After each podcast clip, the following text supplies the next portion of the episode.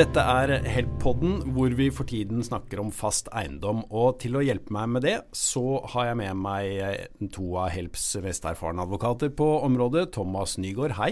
Hei. Og Katrine Hagen Finnrud. Hei. Hei, hei.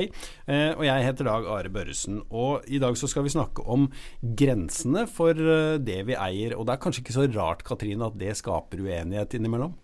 Nei, grenser er viktig for folk, og jeg tror det er flere grunner til det. Uh, en av grunnene er jo at det er synliggjøringen av hva man eier, og folk er opptatt av hva de eier. Uh, og så er det også med på å markere overfor omverdenen hva det er som tilhører deg, og ikke andre. Så uh, grenser det er folk veldig opptatt av, historisk sett, men også i dag. Man verner om sitt og ønsker ikke å gi bort noe som man mener man eier. Nei, men nettopp derfor så skulle man kanskje tro at uh, folk hegner såpass om uh, hvor grensene skal gå, at uh, det burde være relativt klart for alle. Hvorfor blir det allikevel uenighet? Det er jo veldig mange eiendommer som er skilt ut for lang tid tilbake, og hvor grensebeskrivelsene er langt mer uklare enn det det ville vært i dag.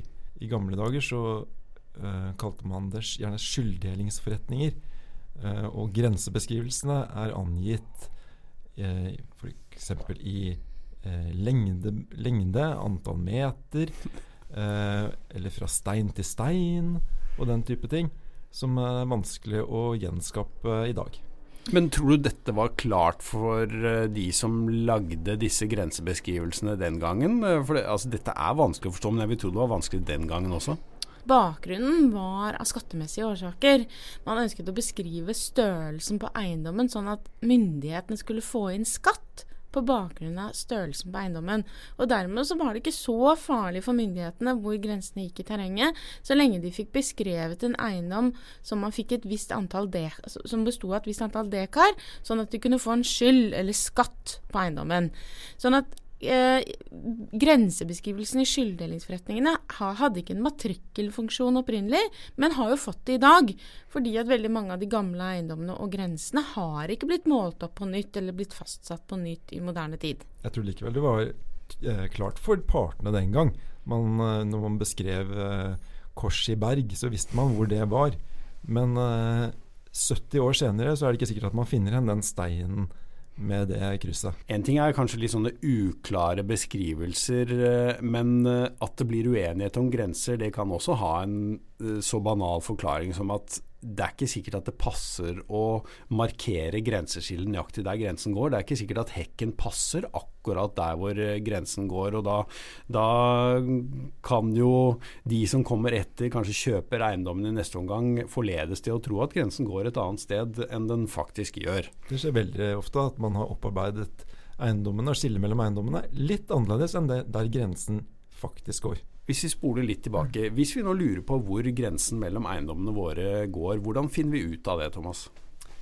Eh, det første man kan gjøre, er å gå ut og se om man finner grensemerker i terreng. Eh, hvis kommunen har vært og målt opp i nyere tid, så skal det finnes et grensemerke der. Kanskje det ga oss en overraskelse, da. Hva gjør vi da?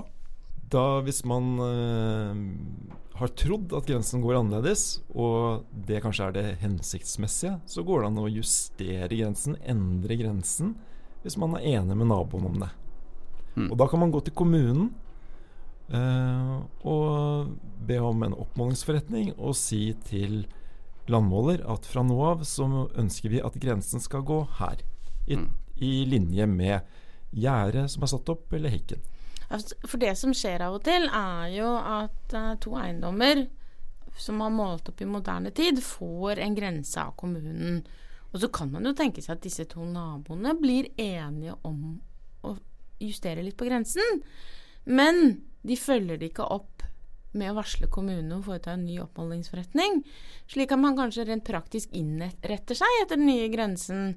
Og da har man en situasjon hvor man privatrettslig har kanskje justert grensen, men det er ikke fanget opp av det offentlige rettslige. Og så kommer det kanskje nye eiere på banen, og så begynner man å lure.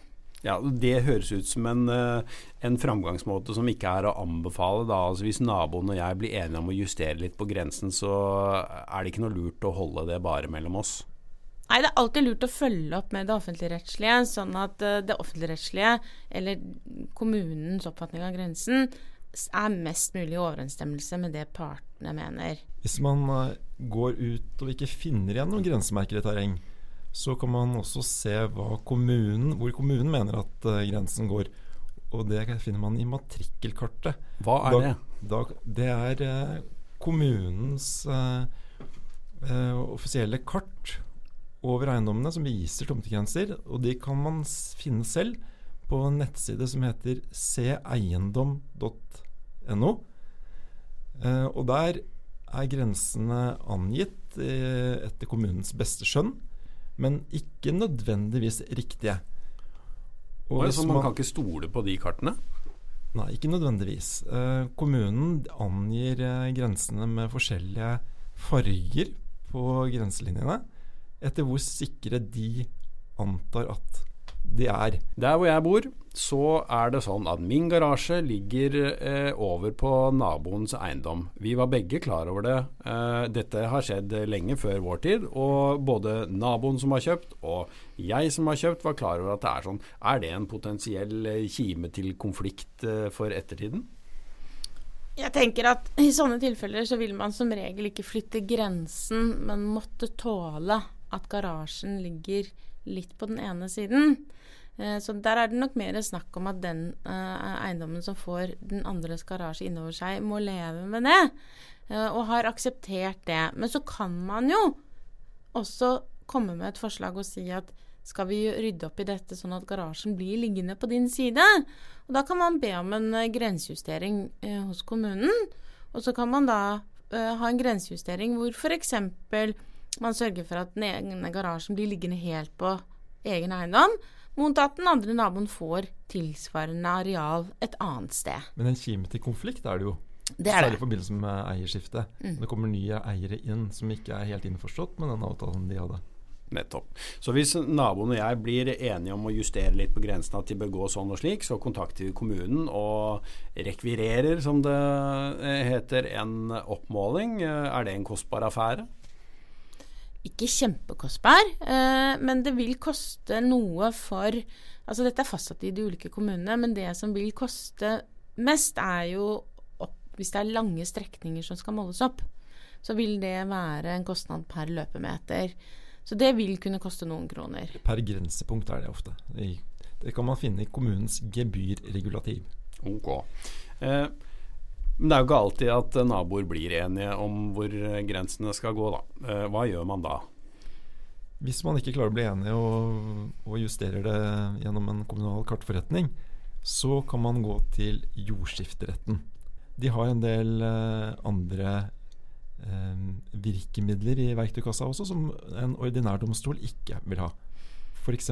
kan de omforme eiendommer hvis de skulle finne at det er hensiktsmessig.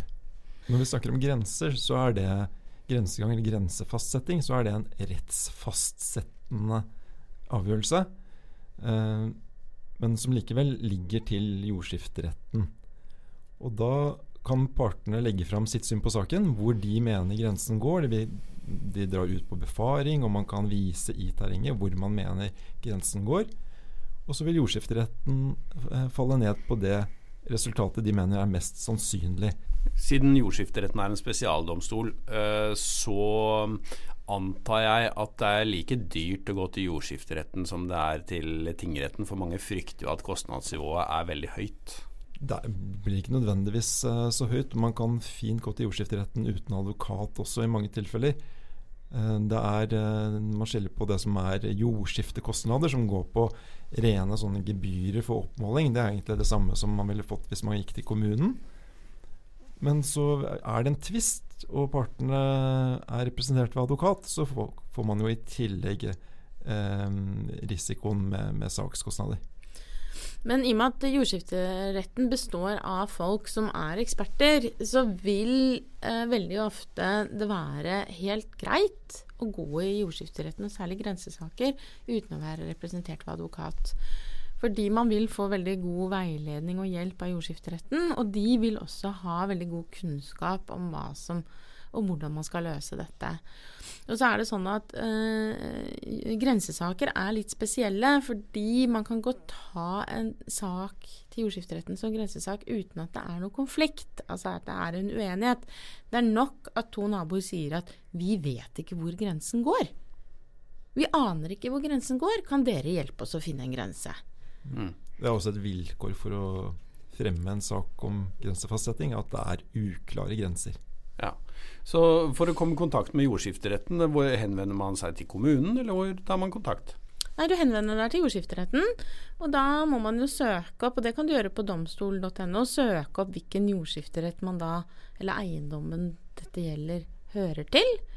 Og så kan man gå inn på nettsiden til jordskifteretten og fylle ut de skjemaene som er aktuelle for den konkrete saken. F.eks.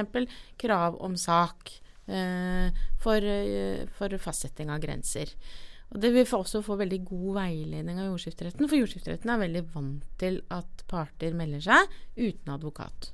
Jeg tror det var eh, et eh, lite innblikk i uh, grenseoppgang og hvordan man kan bli enige hvis man ikke er det, og litt om hvordan man faktisk finner ut hvor grensene går, om man lurer på det. Takk for at du hørte på Help-podden.